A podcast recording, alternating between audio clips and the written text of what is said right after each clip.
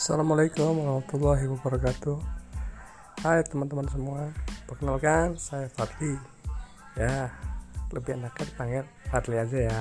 Oke eh, Sekarang saya ingin menyampaikan sesuatu Tema atau topik lah ya kan, Seputar olahraga nih. Terutama eh, sepak bola. Bagaimana menurut kalian sepak bola Indonesia dan luar negeri.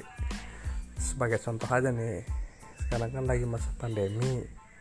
Eh, terus bagaimana pendapat kalian ini? Kenapa sepak bola Indonesia kok eh, tidak bisa ditampilkan atau di gelar deh ajangnya? Kenapa? Ya kan? Ya mungkin karena covid